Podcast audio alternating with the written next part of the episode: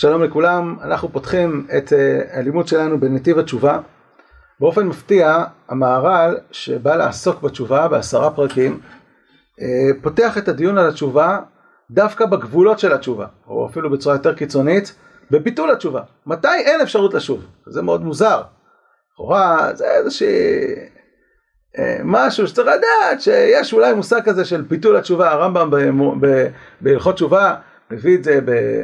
בפרק ו' דן בסוגיה הזאת של ביטול התשובה, אה, עקדת יצחק תוקף אותו וסובר שאין דבר כזה שהקדוש ברוך הוא מעניש בן אדם על מעשיו הקודמים באופן כזה שהוא לא מאפשר לו לשוב בתשובה, אומר עקדת יצחק על איזה חטא? על איזה חטא?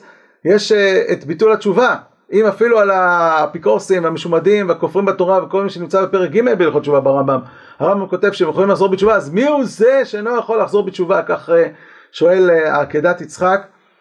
והמהר"ל מחליט לפתוח את הסוגיה של התשובה, מהי התשובה, עניינה של התשובה, דרכי התשובה, בשאלה הזאת, מתי אי אפשר לשוב.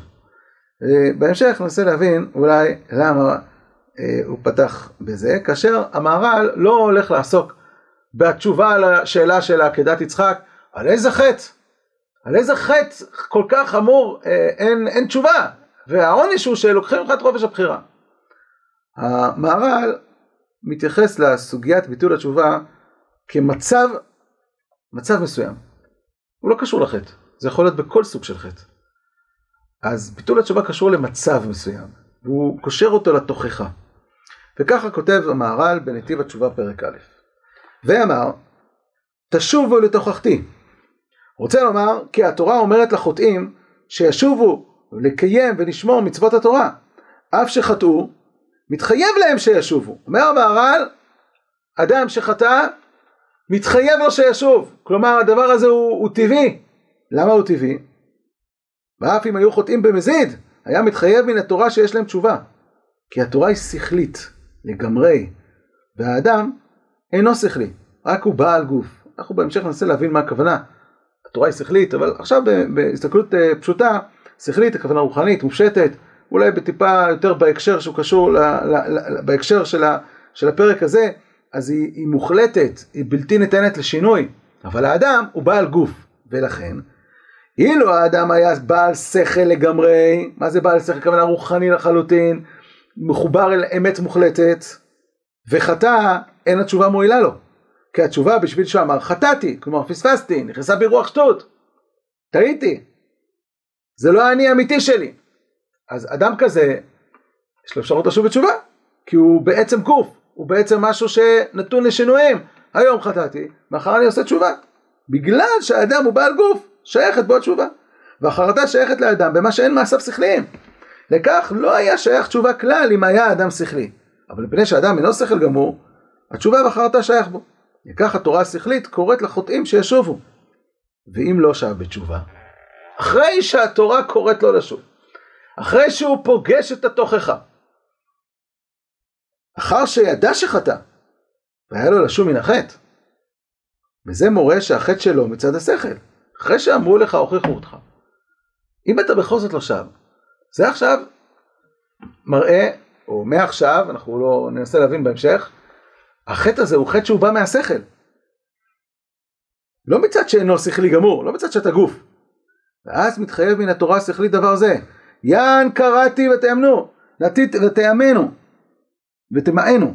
נתיתי ידי ואין מקשיב, ותפריעו כל עצתי, ותוכחתי לא אביתם, כלומר הייתה פה תוכחה ולא הקשבתם, אז יקראוני ולא אענה, שחרוני ולא ימצאוני. מה אומר הנביא? לא תוכל לשוב בתשובה. מה, למה?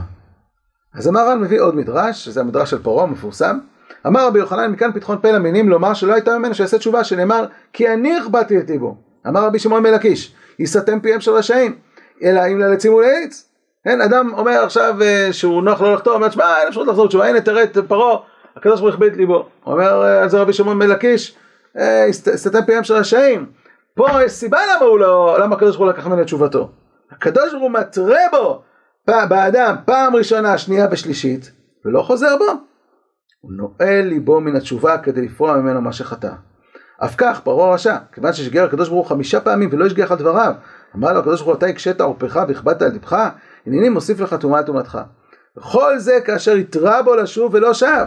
אז החטא הזה נחשב מצד שכלו, ושוב אין תשובה לדבר זה. אז המהר"ל פה אומר פה משהו מאוד מאוד, אה, צריך להבין אותו, מה הוא אומר? הוא אומר שכשאנחנו מדברים על ביטול התשובה, ביטול התשובה קשור לתוכחה. אדם שהוא חוטא, בדרך כלל סיבת החטא שלו, היא בגלל שהוא נכנס ברוח שטות, טעה, פספס. באה התוכחה. ברגע שבאה התוכחה ובכל זאת הוא ממשיך לחטוא, עכשיו הוא כבר חוטא מצד השכל, ומסתתמים אה, מפניו פתחי התשובה. כך מסביר המהר"ל, וכמובן אנחנו צריכים להבין את הדברים. מה זה שכל? מה זה גוף? מה זה... מה פירוש? התראה, הרי לפני כן אמרת שאפילו אם הוא חוטא במזיד יש לו תשובה. אז ההתראה לא באה להפוך את זה שלפני כן הוא לא ידע שזה חטא ועכשיו הוא יודע שזה חטא. אז מה הכוונה? עכשיו הוא כבר יודע, עכשיו הוא שכלי, מה עשתה ההתראה שהפכה את המצב לאדם שעושה את החטא בשכל? ושלוש, מה, מה, האם ההתראה מגלה למפרע שאותו החטא היה בשכל כבר מראש, או שההרתעה יוצרת שעכשיו החטא הוא חטא שהוא בשכל? מה מתכוון המהר"ל פה? אז אנחנו פותחים בשם משמואל, והשם משמואל מסביר את הדברים כך, במקום מספר 2. הוא אומר בפרשת בו, כבוד קדושת אבי האדמו"ר זכר צדיק לברכה לחיי העולם הבא, הגיד כי מטבעו של כל חומר, כלומר פעולה שנעשית מצרכים, יש לו צורך, בעקבות הצורך הוא עושה משהו, להתפעל, כלומר להיות מושפע, בנקל. אדם שמה שמפעיל אותו זה הצרכים שלו, מאוד קל להשפיע עליו. אתה יודע שמושך אותו ממתק, תעשה עליו ממתק מול העיניים, אה, אתה מושך אותו לאיפה שהוא, לאיפה שאתה רוצה. בן אדם שיש לו צורך בכבוד, תיתן לו את מה שהוא צריך, תיתן לו את הכבוד, תוכל למשוך אותו לאיפה שהוא רוצה, כי הוא פועל לפי צרכים. אז איפה שנותנים לו את הצרכים, שם הוא נמצא. אתה יכול להפוך אותו מקצה אחד לקצה שני, כי כל מה שמנהל אותו זה עולם הצרכים, עולם החומר. לכן קל מאוד להשפיע עליו, כידוע, כן? אבל השכלי אינו מתפעל כל כך במהרה. כי השכל שלו חוזק ואינו משתנה כל כך. מה זה שכלי? שכלי זה אדם שהוא אידיאולוג. אדם שהוא אידיאולוג, יש לו אידיאולוגיה, הוא מוכן למסור את הנפש על אידיאולוגיה. לא תצליח להזיז אותו. אם הוא אידיאולוג אמיתי, אין אפשרות להזיז אותו בכלל. אומר השם משמואל, על כן פרעה, שהיה חומרי, הרי הוא אדם חומרי, אדם שכל מה שמעניין אותו זה הכסף והכבוד וכולי וכולי, היה צריך להתפעל בקל ולהטיב דרכו. בא אליו מישהו, לוקח ממנו את כל הצרכים שלו, לוקח ממנו את הכבוד, לוקח ממנו את הכסף, לוקח לו את המדינה, הטרם תעבדה כעבדה מצרים, אדם כזה שכל מה שמעניין אותו זה הצרכים שלו, ברגע שאתה קצת תלחץ עליו, מיד, כן כן כן כן, מה אתה רוצה? נותן לך הכל, הכל אני נותן לך. הוא רוצה את הצרכים שלו, מיד הוא יעשה תשובה. והקדוש ברוך הוא העלהו ועשהו שכלי. והיא מתנה טובה. הקדוש ברוך הוא לקח אותו כאדם חומרי, העלה אותו על ידי ההתראה הכניס לו עולם של דעת, הכניס לו עולם שאדם שכבר לא פועל מכוח הדחפים הגשמים שלו, הפך אותו לאידיאולוג. עכשיו, אידיאולוג זו מתנה טובה. אתה חונן לאדם דעת. עכשיו אני אידיאולוג. אבל אם אתה אידיאולוג ואתה חוטא, אז אתה הופך להיות בקצה של הקצה של החוטאים. אך הוא ברוע בחירתו, השתמש בה לרוע, שלא יתפעל כל כך מהמכות ונעשה סרבן נגד השם יתברך. כן, אדם שהוא נדחף בעולם של צרכים, הוא אדם נמוך. קל מאוד להשפיע עליו לכאן לכאן, הוא גם קל מאוד שהוא יחזור בתשובה. עוד 40 יום ננבה נפחת, חוזרים בתשובה. אדם שהוא אידיאולוג, הוא יהיה אדם שאם הוא איתך, הוא ימסור את הנפש עליך. אם הוא לא איתך, אין עם מי לדבר. הוא יהיה מרדן, אתה תשמיד אותו, תכסח אותו, אין לו אפשרות לשוב. אז uh, מה שמציב פה השם משמואל, זה הפער שבין אנשים שהם אנשים חומריים לאנשים שהם אנשים אידיאולוגיים. התוכחה לפעמים מכניסה את האדם לאידיאולוגיה. כי לפני כן הוא חוטא, כי קשה לו. למה הוא חלה שבת? קשה לו, רוצה לנסוע לים. התחלת לדבר איתו על חשיבות השבת, התחלת לדבר איתו, הכנסת לו עולם של דעת, הוצאת אותו מעולם הצרכים לעולם של דעת, עכשיו יכול לקרות אחת משניים. יכול להיות שהוא יעשה תשובה. יכול להיות שהוא יהפוך להיות אידיאולוג. ואז הוא יהיה הרבה יותר קיצוני. כבר לא יהיה עם מי לדבר בכלל. זה השם משמואל. ככה השם משמואל מסביר את המהלך הזה, ואולי זה קשור לגמרא בחגיגה במשנה בחגיגה בפרק א', מעוות לא יוכל לתקון וחיסרון לא יוכל להימנות. מי זה המעוות שלא יוכל לתקון, שאין תשובה?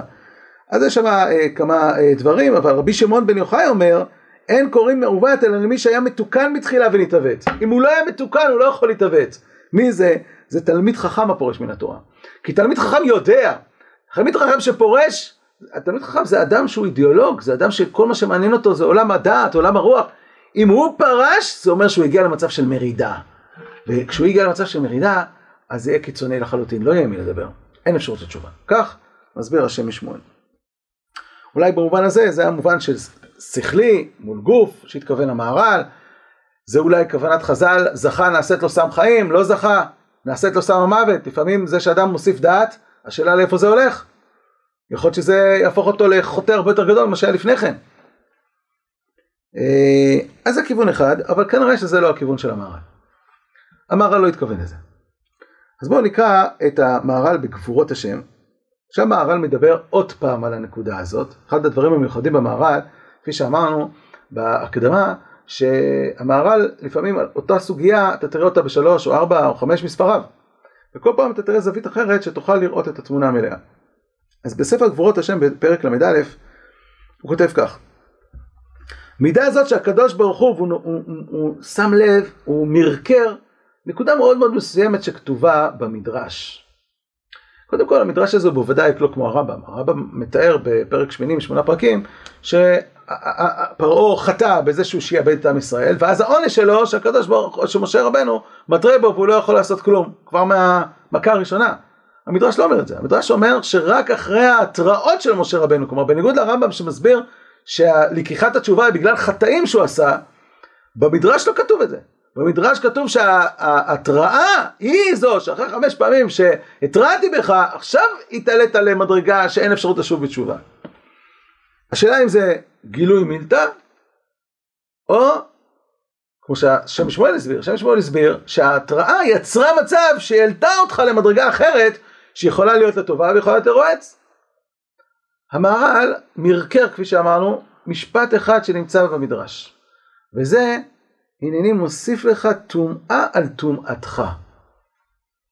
מידה זאת שהקדוש ברוך הוא מוסיף טומאה על טומאתם הוא דבר עמוק מאוד וזה כי התשובה שייכת לאדם בשביל מעשה החטא שמעשה החטא באה מן האדם אשר הוא בעל שינוי בתמורה. לכך אין מעשיו וחטאים שלו נחשבים מעשים גמורים. כי המעשה נחשב לפי העושה. והעושה הוא בעל גוף, בעל שינוי ותמורה. אף, שהעושה, אף המעשה שלו אינו מעשה גמור. אז יש אפשרות לשוב בתשובה. אבל אם מתרה בו, ההדעה וההתראה הזאת עושים לו שמעשיו שלו נחשבים מעשה יותר. שהרי העיד ולא שמע. וזהו מעשה גמור בוודאי.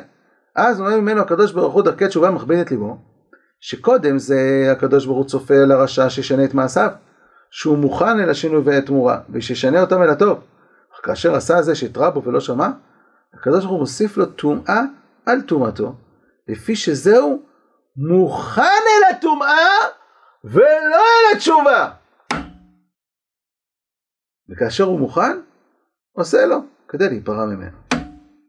אומר המהר"ל, מה זה מוסיף טומאה טומאתו? אם התריתי בו והוא לא שמע, זה עדות שבשורש שלו הוא מוכן אל הטומאה. כתוב פה. וכיוון שהוא מוכן אל הטומאה, אז מה יש להשאיר לו פתח לתשובה? הבן אדם הזה מוכן אל הטומאה. כלומר, מהמהר"ל, המהר"ל מסביר שלא שההתראה, התוכחה, העלתה את האדם ממדרגה אחת למדרגה אחרת, ואז הוא הגיע לאיזשהו מקום נפשי שכבר נסגרו לתת תשובה. הכיר את בוראו ומורד בו. לא.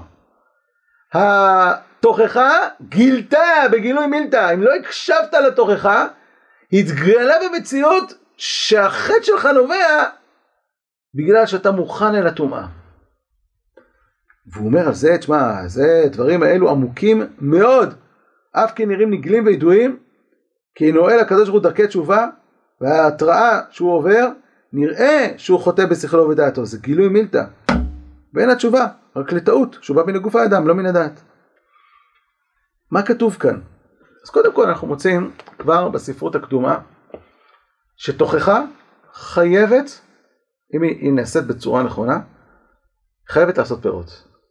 נפש האדם בנויה בטבע שלה, שהתוכחה פועלת על האדם. כך כותב הכוזרי במאמר חמישי, בששת ההקדמות היסודיות בענייני ההשגחה, והוא כותב ההקדמה החמישית, נפשותם של השומעים תוכחת, תוכחת מוכיח, מתרשמות מזו, אם היא נאמרת בדברים המתקבלים על הדעת, אם אתה יודע להוכיח. כי התוכחה האמיתית מביאה תועלת על כל פנים, אין דבר כזה שהתוכחה לא תשפיע. ואף אם לא ישוב החוטא ממעשה הרע, יודלק ניצוץ מאותה תוכחה בנפשו, ויראה כי המעשה ההוא רע הוא. וזה ראשית התשובה והקדמה אליה. אומר הכוזרי, אין דבר כזה שתוכחה שהיא תוכחת אמת, לא פועלת על האדם. כי הטבע של האדם הוא כזה, זה אחד מהששת הכללים של להבין את מבנה הטבע המציאות. ככה הקדוש ברוך ברא את העולם. הרב קוק באגרות הראייה, איגרת תקנה, כותב גם כן את הנקודה הזאת, העיקר צריך להיות הלב של המוכיח, מלא אהבה וקדושה, מלא אהבה קדושה, ויראה עליונה, מסוד קדושים, כי יראת מלאכי מעלה, גיבור הכוח עושה דברו, תלמידי חכמים כאלה אינם מכירים בטבעם את טבע הסגולה הפנימית ויודעים להפריד ממנה בדבקות מחשבתם את הקליפה הבכירית. תוכחה עניינה לקחת את האדם, לנתק אותו מהמעשים החיצוניים המכוערים שלו ולחשוף לו את הסגולה הפנימית שקיימת בו, את השורש הטוב שקיים בו. ואם מצית את התוררה טוב, חשפת את השורש הטוב שקיים בו, נגמר, זה כבר יפעל, זה יעשה מהפכות. יודעים להפריד ממנה בדבקות מחשבתם את הקליפה הבכירית, והם חייבים ומוזרים על זה לקרב פרושים כאלה שהסגולה הפנימית יש להם, כדי לעורר יותר ויותר את כוח הטוב הצפון בהם, עד שיתגבר לגמרי על הרע הבכירי ויכניע אותו. ופעולת תלמידי חכמים לוקחי נפשות כאלה, אינה חוזרת ריקם בשום פעם. לפעמים פעולותיהם נראות בגלוי, על ידי מה שמקרבים אותם, וכולי וכולי, לפעמים רק נכנס בהם גרעין פנימי, וכבר בטוחים שלא יפטרו מן העולם בלא תשובה. לפעמים נפיק מן זרע מעליה, הוא עצמו לא ישוב, אבל הוא, הוא ידאג שהבן שלו ישוב. ובר המזכה אבא, יהיה לזה פעולה. אז אומר הרב קוק, ועל אותם שכבר איבדו גם את הסגולה הפנימית שלהם לגמרי, עליהם דוד המלך עליו השלום אומר, הלא משנאיך השם אשנא. כלומר, תוכחה חייבת לפעול על לב בשר. על מישהו שיש לו סגולה פנימית, יש לו שורש טוב.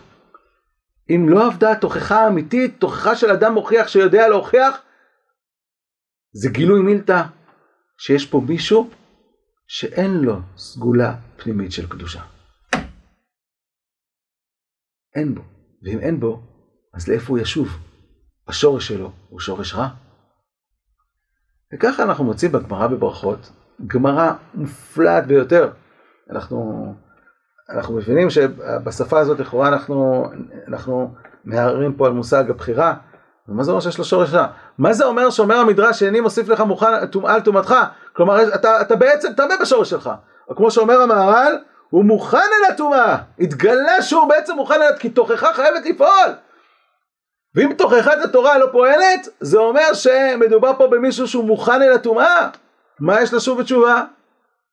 אומרת הגמרא בברכות דף כ"ט עמוד א', השקיף, שמואל הקטן. שמואל הקטן, הגמרא מספרת שהוא תיקן את ברכת המינים, כי לא כל אחד יכול לתקן את ברכת המינים, את מי אנחנו מוציאים מן הכלל, צריך את מי, מישהו שהוא אוהב ישראל, גדול, כמו שמסביר הרב קוק שם בעינייה, ופעם אחת הוא ירד אל הטבע, יש לנו הלכה פסוקה, שבכל הברכות, אם השליח ציבור טעה, אז נותנים לו זמן להתארגן על עצמו, אבל אם הוא טעה בברכת המינים, אנחנו מבינים שזה מהאלה ש... שמפריעה להם הברכה הזאת, ואנחנו זורקים אותו החוצה, ממנים אה, שליח ציבור אחר, ואז הגמרא מספרת ששמואל הקטן פעם אחת ירד לתיבה, והיה שליח ציבור, והתפלל ונתקע בברכת המינים. השקיף בא בברכת הצדיקים, בברכת המינים, שתיים שלוש שעות ולא העלו. וואו, רגע, מנסה להיזכר, מנסה להיזכר בברכה, והשאיר אותו עד שייזכר. שואלת הגמרא, עמי לא העלו? ואמר רב יהודה אמר רב טעה בכל הברכות כולן אין מעלים אותו בברכת המינים מעלים אותו חשינן שם אמינו. אה שמואל הקטן הוא אמין שמואל הקטן הוא זה שהמציא את הברכה הזאת שאני שמואל הקטן דהי הוא תקנה. מה יש לחשוש שהוא אמן? הוא זה שתיקן את הברכה הזאת. אמרתי לו, מה זאת אומרת? והניחו שדילמה עד הרבה. אתמול לא היה איתנו, היום הוא נגדנו. עבר צד, ואיפה אתה יודע? אמר רבי, יש לנו מסורת. מה המסורת? גמירה. תבה לא הווה בישה. מישהו טוב, לא יהיה רע. מה כתוב פה? אומרת הגמרא? והכתיב בשוב צדיק מצדקתו ועשה עוול. אומרת הגמרא, ההוא צדיק, ההוא רשע מעיקרו. אם ראית מישהו שהיה צדיק כל חייו, ועשה בסוף עוול, הוא לא היה צדיק. בשורש שלו הוא היה רשע. אבל צדיק מעיקרו, מישהו צדיק מעיקרו, לא יכול להיות שהוא ישנה דרכו. כתוב ולא, ואתנן תמיד בעצמך עד יום מותך, שהרי יוחנן כהן גדול שימש בכהונה גדולה 80 שנה ולבסוף לעשות זאת כי ברור שיוחנן כהן גדול היה בשורש טוב 80 שנה היה, היה כהן גדול אמר רבי הוא ינאי הוא יוחנן גם הוא היה רשע מעיקרו מה כתוב פה בגמרא? שצדיק לא יכול להיות רשע? רשע לא יכול להיות צדיק? מה כתוב פה? אומר רב צדוק בצדקת הצדיק ק"ל אף על פי שהבחירה נתונה לאדם. מכל מקום אין אדם יכול להשתנות משורשו ועיקרו. משפט קשה. מה כתוב במשפט הזה? יש לנו חופש בחירה? נכון. יש לך חופש בחירה לעשות מעשים טובים או רעים. מעשים. אבל אתה לא יכול לשנות את השורש שלך. כאותה שאמרו אף על פי שחטא ישראל הוא. שום דו משורשה וגזע קדישה לכן אמרו תבה לא אהבה בישה אם לא ברשע מעיקרו. לכן אמרו טינה הייתה בליבם. אומר אה, רב צדוק, אדם יכול לבחור ברגע נתון לעשות מעשה טוב או מעשה רע. אבל אדם שהוא רשע מעיקרו, גם אם 80 שנה הוא בחר לעשות מעשה טוב, בסוף השורש ינצח. הוא יהיה צדוקי בסוף. ואדם שהוא, שהוא, ששורשו טוב, גם אם הוא היה בסביבה חיצונית של חברה שגרמה לו לחטוא וכולי, זה חיצוני. בסוף השורש הטוב ינצח, הוא יעשה תשובה. תבה לא אהבה בישה, ובישה לא אהבה תבה. וכן להפך, בישה לא אהבה תבה. ואף על פי שלא רצו חז"ל לגלות, זה הגימירה בפירוש. כי כשאתה מספר את זה, זה נשמע נורא ואיום ומסוכן. מכל מקום גילו בסוד בכמה מקומות למבינים. ועל זה אמרו, בוצינה מכתפי ידוע. כן? כמו אה, ירק שאתה רואה אותו כבר בשורש שלו, אתה רואה אותו שהוא טוב, אומר, זה תלמיד חכם, הוא יהיה תלמיד חכם. אנחנו יודעים, זאת אומרת, מהשורש, אתה רואה אותו בהתחלה, אתה רואה את השורש שלו, אתה יודע, אתה כבר יודע איך הוא יסיים את חייו. רק השורש הזה נעלם מכל הברואים. כי לי בלפום אלוגליה. ולכך מצינו גם כן חוטאים שאמרו להם זכרונם, שאמרו זיכרונם לברכה שאין להם חלק לעולם הבא. מה זה אין לו חלק? לא שהוא לא יגיע לעולם הבא. אין לו חלק, הוא מעולם לא היה לו חלק, אומר רב צדוק. כל אדם יש לו חלק בגן עדן, חלק ב... האדם הזה לא היה לו חלק אף פעם. היינו שהעיקר חסר מן הספר ושורשו רע, אם אין מכן הנה מספרך. הוא לא נמצא בספר של השם בכלל. בשורשו רע. ולכך למאן דאמר שמנשה אין לו חלק לעולם הבא, אבל כתוב בפסוקים שהוא עשה תשובה. לא הועילה לו תשובתו מאחר דעיקרו בישה. עיקרו רע. ולכך אמר אותו אחד שחולק, הוא אומר, מה זאת אומרת, הוא עושה תשובה, למה אתה אומר את זה? אתה מרפא ידי בעלי תשובה. אתה אומר לאנשים, שאפילו אם הם ישבו בתשובה עם שורשם רע, זה לא יצליח להם. ולכן לא גילו חז"ל זה בפירוש. אבל האמת, שאין זה ריפוי כלל. אנחנו עוד בהמשך נבין למה זה לא עוקר את כל עולם הבחירה, ואת עולם התשובה. אבל אומר רב צדוק, זה השורש. עכשיו אנחנו מבינים מה המושג תוכחה עושה. התוכחה מברר ומגלה שהאדם הזה שורשו רע. אם הוא לא יתעורר לשוב, אדם ששורשו טוב, ברגע שהוא, הסביבה החיצונית גרמה לו לחטוא. חיצוניות! ברגע שהוא נפגש עם הצדיק, ברגע שהוא נפגש עם המוכיח, ברגע שהוא נפגש עם עולם של תורה, מיד הוא חוזר לשורש שלו. אז זה חייב לפעול. לא יכול להיות שזה לא יפעל. ואם זה לא פועל, זה גילוי שהשורש שלו הוא רע. ואותו דבר גם להפך. לפעמים אתה רואה בן אדם, אומר רב צדוק, שהוא נראה לך צדיק גמור. הוא לא צדיק בגלל שהשורש שלו טוב, הוא צדיק בגלל שיש לו סביבה שדוחפת אותו לעשות טוב. אבל ברגע נתון שהוא יהיה בניסיון, שהוא יהיה באיזשהו קושי, שהוא יהיה באיזושהי התרחקות מהחברה, מהסביבה, יתגלה השורש הרע. ופתאום הכל ייעלם, אתה תגיד, אה, איך פתאום יצאה מפלגת כזאת? תשובה? זאת אומרת, תמיד היה שם. פשוט, עד עכשיו זה היה חיצוני. הוא התגבר, אבל יש לו שורש רע שבסוף יתגבר על המעשים שלו. והנה המחשבה של האדם, כך כותב בערבי נחל בשבת שובה, דרוש ג', והנה המחשבה של האדם שנופל בשכלו ומחשבתו, הוא טבעו, טבעו ועצמותו, רגע של מחשבה. כי איש טוב חושב בטוב, כי טבעו להיטיב. וכן בהפך. ומה שהאדם משבר ומשנה עצמו, דיבורו ומעשיו מחליפה מאשר מחשבתו, הוא במקרה. דהה עיקר טבעו בהפך.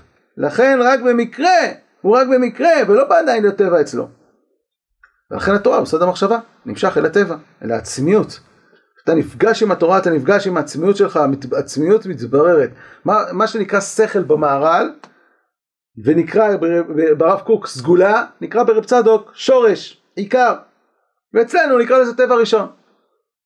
טבע ראשון. אז אתם מבינים שאדם צריך להסתכל לא על ההתנהגות החיצונית שלו, יכול להיות שבהתנהגות החיצונית הוא יכול להיות כולו טוב, אבל בעצם יש לו שורש רע. ועכשיו נפתחת סוגיית התשובה. אומר רב צדוק, אם זה כך, אז מה הכוח לשוב? מה הכוח לשוב? אבל עוד לפני כן, אנחנו צריכים להבין שכשאנחנו מבררים את עצמנו, אנחנו צריכים לשים לב לא למעשים שלנו, אלא לשורש שלנו. לכן מטעם זה אדם אשר מחשבתו הייתה רעה מתחילתו, אם כן טבע והעצם שלו היה מתחילתו רע, רק דיבורו ומעשיו היו טובים. אז אתה פוגש את הדיבור, יכול להיות שהוא גם פוגש את עצמו, הוא פוגש את הדיבור ואת המעשים שלו. נמצא אז היו מעשיו אחורי הטבע, אך לא יצאו לתוך הטבע. מה שאחורי הטבע יכול להשתנות, לכן נשאר אחר כך כולו רע. וכן בהפך, מי שהיה רשע מתחילה, כת חזינן, שאחר כך שעשה תשובה, גמירה בישה לא אוהב את אם הוא עושה תשובה אמיתית, על כוח שמחשבתו, דהיינו טבעו ועצמותו, היום מתחילה טוב. רק דיבורו, מעשיו היו רעים. אבל זה אחורי הטבע ויכול להשתנות ונעשה כולו טוב כי הוא חזר לטבעיות שלו. אז הוא מביא את הפסוקים ביחזקאל שצדיק, שרשע וכולי, הוא אומר כל זה רשע מעיקרו, צדיק מעיקרו. אז איפה הבחירה? אומר רב צדוק בק"ל בצדקת הצדיק, ואף על פי שהבחירה נתונה לאדם, מכל מקום אין אדם יכול להשתנות משורשו ועיקרו. יש לך בחירה לעשות מעשה, אבל בסוף השורש ינצח. אז מה עושים?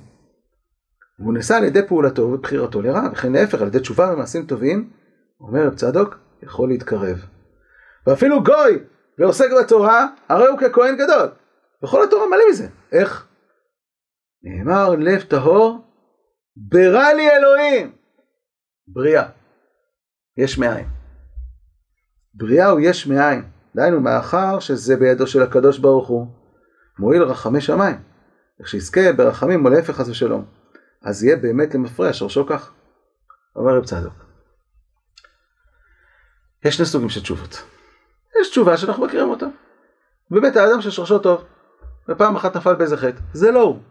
מיד טיפה בהבנה, בהכרה, במחשבה, מישהו אמר לו איזה, עושה תשובה, חרטה, קבלה לעתיד, נגמר, זהו. הוא לא צריך יותר מזה. זו תשובה רגילה. למה הוא לא צריך יותר מזה? כי שורשו טוב. הוא נפל, זה חיצוני לו, זה מקרי. יש אדם ששורשו רע. יכול להיות שכל חייו הוא לא חטא, אבל זה בגלל מסיבות חיצוניות. כשפעם אחת פתאום הוא עמד בניסיון, התפרק. מה הוא חושב? אה, נפלתי בטעות. ואז הוא עושה תשובה, הוא מתחרט, הוא חושב שהכל בסדר. הרב צדוק, לא, לא. זה היה גילוי מילתא על המצב שלך, לשורש שלך. התשובה הזאת לא תפתור לך את הבעיה.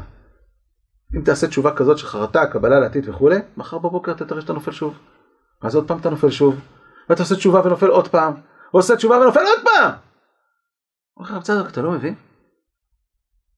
אתה נמצא בעולם של תשובה לאדם שיש לו צדיק מעיקרו בסוגיה הזאת. אבל אתה לא צדיק מעיקרו בסוגיה הזאת.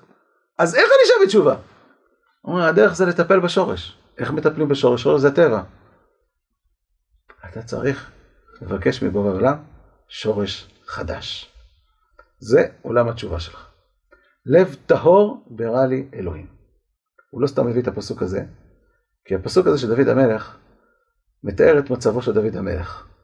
היה אפשר להגיד, דוד המלך צדיק גמור, ונפל באיזשהו חטא, טעות, נפל, מתנקים, עושים תשובה, נגמר סיפור. דוד המלך הבין שזה לא זה. דוד, המד... דוד המלך אומר שם באותו, פרק, כי בחטא יחמת נעימי. מה זאת אומרת? חטא יחמת נעימי זה אומר, אני בשורש שלי בנקודה הזאת, ביצר הזה, בשורש שלי אני רע. לא חטאתי עד עכשיו, למה? כי כל פעם עצרו אותי. אז הגמרא במגילה מספרת שבסיפור של אביגיל, שאביגיל עצרה אותו, ויש לו סביבה מסוימת וכולי, וברוך השם. אבל בשורש שלי אני רע, ולכן הפתרון לא על ידי זה שאני מאחר בבוקר אגיד אה אני עושה תשובה, מתחרט, קבלה לעתיד, נגמר סיפור, לא, אני אפול עוד פעם. אני צריך לפתור את בעיית השורש. איך פותרים את בעיית השורש? תפילה לבורא עולם לב טהור ברע לי אלוהים. כלומר, הדרך של התשובה היא להתקרב לקדוש ברוך הוא, היא לא לעסוק בחטא. ועל ידי הקרבה לקדוש ברוך הוא וההתבטלות אליו, והתפילה אליו שהוא על ידי ההתקרבות הזאת ישנה משהו שורשי אצלך, בבחינת נס, יש מאין. זה עומק התשובה פה. זאת לא תשובה שעוסקת בחטא ובלראות איך מתקנים אותה. זו תשובה בלהפוך לאדם אחר. הרמב"ם בהלכות תשובה כותב בפרק אחד, חרטה, קבלה לעתיד וכולי. ואז בפרק הבא הוא מדבר על משנה שמו, משנה מקומו, אני אדם אחר, מה זה הסיפור הזה? זה משהו אחר לגמרי. זה הבנה שפה אני צריך לשנות את העצמיות שלי, איך עושים את זה? אני לא עוסק בחטא, כי החטא הוא לא הסיפור. המעשה הוא לא הסיפור פה. הסיפור פה זה לנסות ולהתקרב אל המלך כדי לקבל שורש חדש. זה סוג אחר לגמרי של תשובה. לכן אמרו, שאלו לחוכמה, חותם מעונשו, ולתורה, וכולי, אז כל אחד אמר משהו. הקדוש ברוך הוא אמר יעשו תשובה. כי תשובה בנקודה, בבחינה הזאת של תשובה אמיתית, זה לשוב אל השם. מצד כולם, בישה לא אוהב את אבא. אם היית שואל לנבואה, היא תגיד לך, חוטא תרדף רעה, ואתה שואל את התורה, איפה שחוטא תתעמות, וזה, אין לאדם הזה תיקון. רק כשהוא מגיע לקדוש ברוך הוא, אומר שם המדרש, אומר הקדוש ברוך הוא יעשה תשובה. כלומר, התשובה נמצאת גם בתורה, אבל התשובה מהסוג הזה זה לשוב אל השם, לכן זה נמצא שם. אומר צדוק כי מכולם בישה לא אוהב את אבא. וזה היה טענת העם ביחזקאל בפסוקים בשוב צדיק ושוב רשע, אמרתם לא ייתכן דרך השם, בוודאי. מה זאת אומרת לא דרך השם? בטבע אין אפשרות לשנות. וכשהשם יתברר מקבלו, אז מתגלה למפרד יקרו כך, כי ידיעת השם אין הבדל בין עבר לעתיד, וכשהוא עוקר את השורש שלו ובונה לו שורש חדש, מתברר שתמיד היה לו שורש חדש, זה השורש של השורש. התפיסה הזאת של מבנה התשובה היא הפתיחה של המהר"ל לנתיב התשובה. למעשה נתיב התשובה עוסק באופן מאוד מאוד מרכזי בנקודה הזאת של התשובה.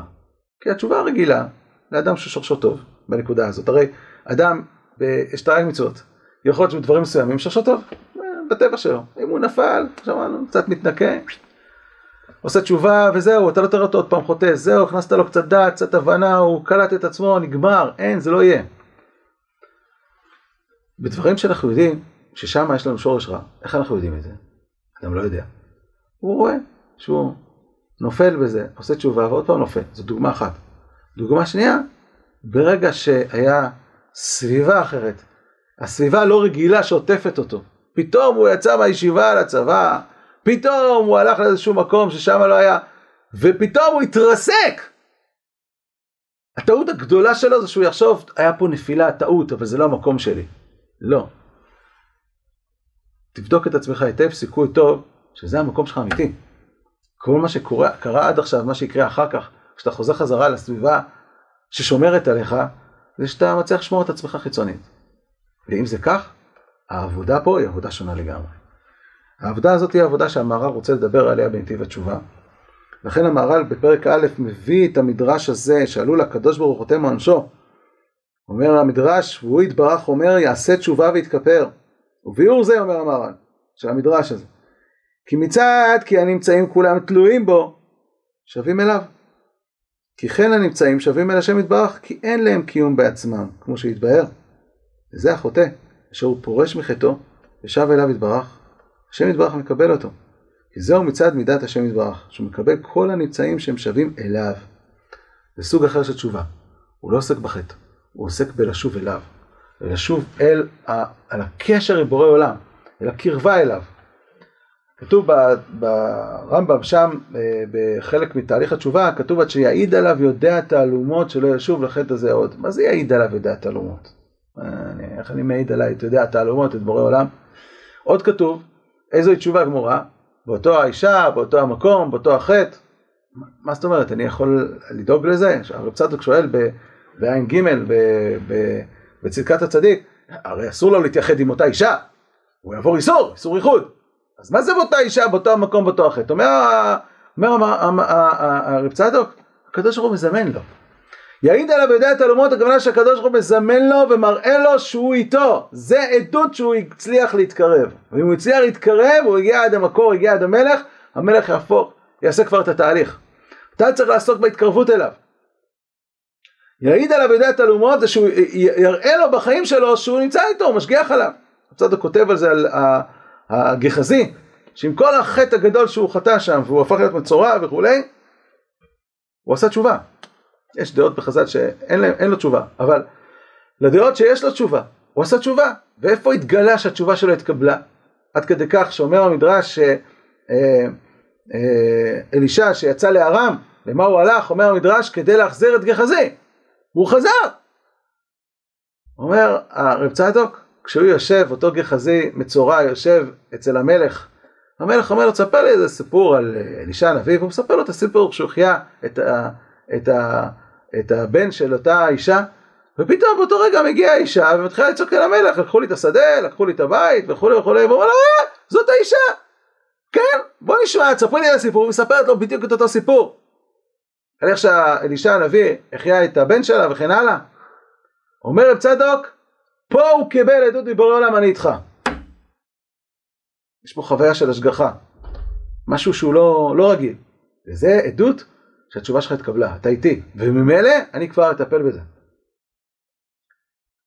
אה, עוד בקל"ב כותב צדוק, בלב, בלב יש שורש רע, כי יצר לב האדם רע מנעוריו, רוצה לומר משורשו, היינו בעוון דור המבול, לכך לא מועיל תשובה לזה.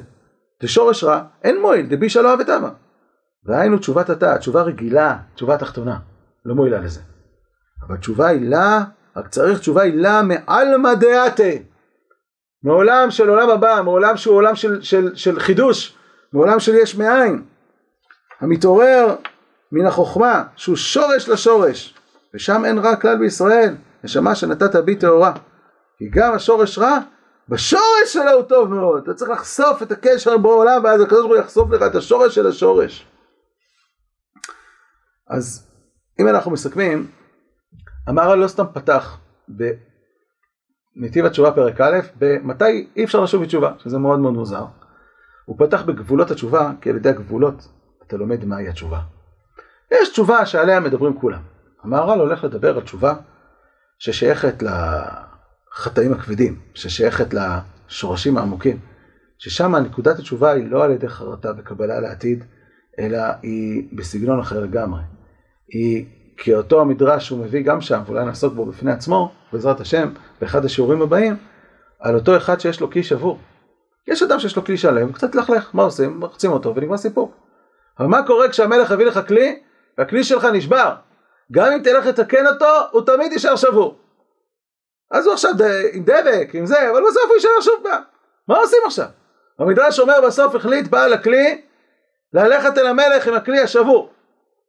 ולהגיע למקום שהוא עם השבירה, עם החטא שלו, הוא מגיע אל המלך, עד המלך פנימה.